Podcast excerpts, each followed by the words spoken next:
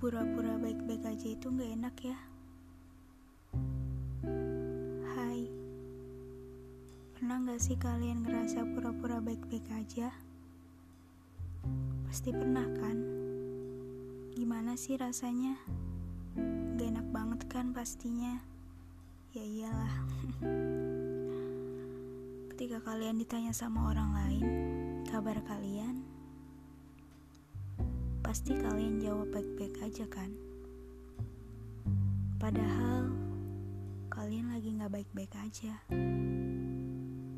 Kayak bingung gak sih mau bilang kita lagi gak baik-baik aja sama orang lain? Iya kan?